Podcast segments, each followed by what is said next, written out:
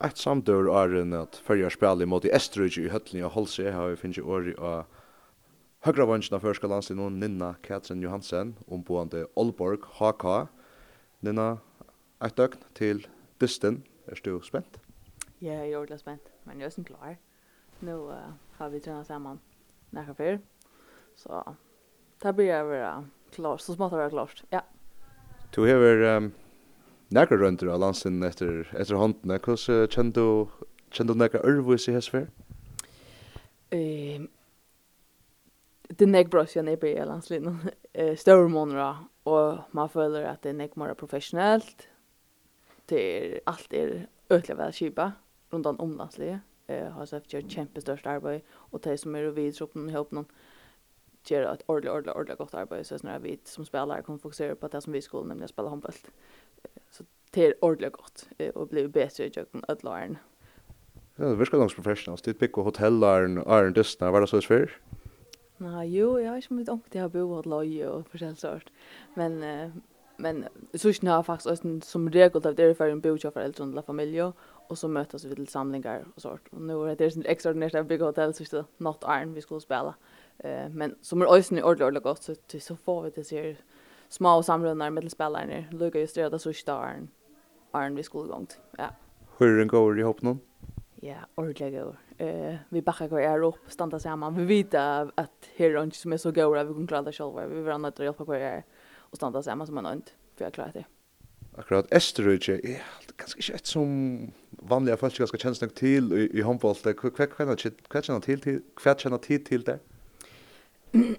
altså, Esterøyke har anker ordlegge og spillere. Eh, det er ikke alt paletten som er fotlo i professional håndballspillere, men, men der har han anker ordlegge og spillere. Eh, men vi da også ser at det har spalt noe Danmark og Rumænien klarer seg ordelig vel mot mot dem linjen. Så där kunde gott. Uh, så där var det snära där vi skulle kämpa och klara en väl för jag kommer vi och, och ja. Kanske av. det stora. Tjena det stora. Är det vonnar går?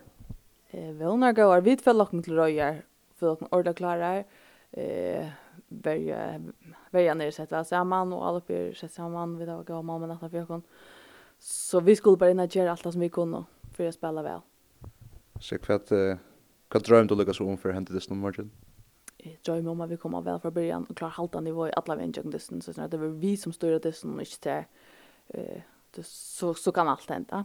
Ja. Allt kan hända. Det där man kan väl att höra att man tar sig om först landstid. Det tar flera på för eh Det här att spela landstid någon ursäkta ofta missar någon god upplevelse så kanske som mest upplevelse senast är störst här på mot Danmark Men ahun er stor, jeg føler som optimismen er, er stor, jeg vet ikke skilja hva du mener, at her er en avvis optimisme eisen i middelen følelser som er helt. Ja, og vi sutja også en spelare der som, som utviklas rettelig, vi sutja spelare som er mer professionella, professionella veien, også ikke kvinnen, uh, som er ordelig av fyrir førskan håndbølt, og særlig for landslinjen, uh, at man så kan sette det sterskaste leie. Um, så jeg skiljer vel at uh, interessen er større, tror jeg at her er kjempepotential, og for bankene er gode spillere av det, Du har haft drikker under landstid noen, jeg har også sett typ på høyre vanskje, så er det en helt ung debutant som ikke var skrevet inn i postøtter. Har man, har man en leiklåt som kanskje en av dem eldre, om jeg så må si? Ja, jeg er en av de gamle drømtjøveste. Jeg har prøvd den også ofte, så tar jeg rom til ødlene kommer vi og kommer vel inn i håpen. Begge der unge og der gamle uh, skulle føle seg vel, så det er en balanse. Ja. Du selv, farmeren, hvordan er han? Er har nok ikke fyllt sånn vel vi i Aalborg akkurat. Han får mye mer gøy, vi vet hva fullt får litt, ja. Jeg vil vel fyre tjokken, og jeg regner til henne som jeg som vi hører til bilder man tror på at å arbeid fullt gjørs der. Og så lukker hjemme og spiller landstøst. Nemlig, ja. Det er godt å ha gått bakland. Jeg hadde bare for å til lysten, og takk at jeg for samrøvna, Nina Katrin Johansen. Selv takk. Her ett samtøver er enn at Færjar spiller imot Esterøyke og Heimavødli har vi finnet i år ja. Ja, en, en attervenda landslivsvenjere som fær sin annan debut som landslivsvenjere til Færjon. Det er Sonne Larsen som vi da fengar her av Hotel Juros. Sonne, ett, ett døgn til listen. Er du spenter? Ja, meget. Uh, det bliver helt vildt godt. Jeg uh, håber, der kommer mange hælden og bakker pigerne op, fordi jeg har skulle træne godt. Hvad er du mest spændt på? Jamen, jeg er spændt på, øh, hvordan pigerne går til kampen, øh, fordi det tænker jeg egentlig, at øh, de, det er de egentlig er blevet dygtige og dygtige til over årene, som jeg kan se det. At gå til sådan en international topkamp her mod Østrig, øh, og øh, det er et, øh, et dygtigt hold, vi skal møde, og med streg hold, og øh, det er faktisk det der, det, der bliver rigtig skægt at se, hvor langt vi er kommet i den proces øh, med den her forholdsvis unge gruppe af, af piger her, er gennemsnitlig ret øh, ung, øh, så det bliver meget, meget spændende. Akkurat. Øh Målstøen, hvordan sørst du henne? Hvordan stander det? Jamen, jeg synes, vi har forberedt os så godt, som vi kunne på de dage, vi har haft nu her i den her samling her. Sidste gang blev det jo aflyst med, med corona i, uh, i sådan nærmiljøet. Så under de forudsætninger, vi har haft, uh, så tror jeg på, at den her underdog-rolle, at vi har en mulighed uh, mod Østrig. Men vi skal spille op til vores allerbedste, for de er rigtig gode. Men det er jo som at vonder er gode, og her er en optimisme. Om det, er, det er der jo altid, når, når man sådan kender mig, så bygger vi jo op over lang tid og kigger frem, og det har vi ikke her. Øh, men jeg er da optimistisk. Øh, altså, det er helt klart, men man skal vide, at Østrig er et rigtig godt hold. Altså, øh, kommer vi til at spille en rigtig god kamp, så kan vi både vinde og tabe øh, i, øh, i sådan en, en, en rigtig, rigtig godt hold, vi skal møde. De har spillet lige op øh, med Rumænien ikke mindst, og, øh, og været tæt ved, ved Danmark, og tidligere har de slået både Polen og så videre. Så, øh, så der er altså rigtig god kvalitet øh, på sådan et østrisk mandskab her. Du sier det selv, til et ungt le og vi så ikke, så ungdomsligen i her var vunnet mot i Holland og Makedonia, og vi så ikke, at kvinnelige i Europa nu, største underlægger som, som kommer ind, men altså krytter vi, vi onken ældre. Ja, altså det er, ja, ja, det er jo, det skal man ikke tage fejl af. Altså de er gamle her, undskyld udtrykket, har masser af erfaring at byde ind med. Øh, og de øh, erfarne piger, som det jo er, øh, de har jo faktisk spillet en del landskampe og sådan noget. Det er jo det, de skal bruge og benytte sig af, og det, det synes jeg, de har været gode til at byde ind med allerede og taget en, en øh, kaptajnrolle, øh, alle de erfarne, øh, vi har med der. Så det er rigtig, rigtig godt at se, at de byder ind, fordi øh, de selvfølgelig også spilmæssigt skal byde ind øh, med noget på banen, men så byder de også ind uden for banen, og det er mindst lige så vigtigt på et godt hold. Akkurat. Hetta Lie, to första sen det knappligt uh, under hand uh, märslig stöva eh hur hur nek var stod hur nek att hur du eller hur nek du klar att att liksom komma igång Jamen, øh, tiden er jo sådan, øh, at øh, den er meget knap der i øh, december på forberedelsen en måneds tid, til lige at få kigget an, hvem har vi med i truppen, og hvad skal vi have lavet af træning. Det blev så aflyst kvæg corona, og så har jeg selvfølgelig fulgt øh, tæt øh, også siden da øh, på, på de kampe, der har været, og, og jeg har set både dem, der har spillet det ene og det andet land og så videre. Så jeg fulgte dem så godt jeg kunne. Snakke med trænerne og, og være i dialog der sammen med mine gode kollegaer øh, for at følge op. Øh, så jeg er stadig sådan i gang med at komme helt ind under huden under Færøske København igen her og lige få, få følelsen af, hvor er vi er henne øh, helt bestemt. Men øh, under forudsætningerne, så har pigerne bare arbejdet rigtig godt i de her dage her. Så det har været godt. Er man ikke spændt til landsholdet første dist? Eh, jeg tror det kommer i morgen. Jeg tror det kommer i morgen. Sjæt. Hvad, hvad, øh vad drömde du liksom om för för för att Etna ska för Lucas i morgon? Åh, oh, der er mange ting. Altså, øh, jeg har egentlig en tro på, at den her underdog-rolle øh, giver os en god position. Øh, fordi det er jo de facto det, vi er øh, mod et godt østrisk mandskab. Og det betyder, at vi jo i høj grad kan slippe det løs inden i morgen. Men det bliver jo ikke en øh, kamp, sådan at man bare lige knipser med fingrene, fordi at øh, man drømmer om, at det skal gå sådan... Øh, der skal være der skal være rigtig god performance øh, og pigerne skal slippe det løs. Og det er jeg selvfølgelig spændt på og tror også de sagtens kan. Øh, men de skal ligesom slippe det løs. Øh, det håber jeg selvfølgelig på at de gør. Det er spændende om. Det har släppt läst och i to torsdag for prata sånn en goa etne. Selv takk. Her er hotellet noen kveld til fire dyst. Här har vi så ästna finns ju fäder av Örona, Malvergen noen Annika Friheim Petersen. Annika, du uh, kom en heim till förra jag spela för några alltså inte rockla att vi vill se. Det så här är det sånt så tøyna. Eh spela landsens morgon. Er du spent? Ja, jeg er mega spent. Hva er du mest spent på? Ehm bara att sucha ehm estruje tara spel och att jag spelar landstis tror allt mega ser att för landstis bluesna och spela för tjona, jag säger. Hur ser hur ni i någon? som du hører, rævlig og gåver, alle er glier og spentar, og ja, tror ödla der. Ja, det er ikke mest til, altså, ta, er man, är det tur man vantar, är det tur man, liksom, en gåa vån till i? Ja, alltså vi tar alltid en gåa vån ehm och vi vånar vi kan spela upp mot Restridge och alltså challenge sti ehm så ja, vi det väl upplagt där. Och det er at det kommer, ehm efter att jag tog brottliga skifter fela till ja NFH i Danmark och nu spelar landstester uh, klart att hålla i hos jag beina i. Ja, faktiskt. Det är det som helt min beina i hjörna helt jag att man lukar kommer hem och färra sin fria um, och så spelar vi folk som man känner.